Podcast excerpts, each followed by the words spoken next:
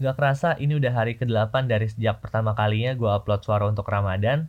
Dan untuk pertama kalinya juga nih, gue upload Instagram story sesering ini.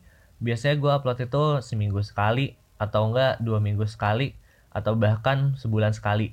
Pokoknya selama yang gue bisa lah. Karena setiap kali gue ngupload suatu hal, gue pengen orang-orang yang lihat dapat sesuatu yang baru, sesimpel dapat informasi baru. Gue melakukan hal tersebut karena gue pernah baca satu tulisan di Tumblr tentang posting Instagram Story, di mana poin dari tulisannya seperti ini.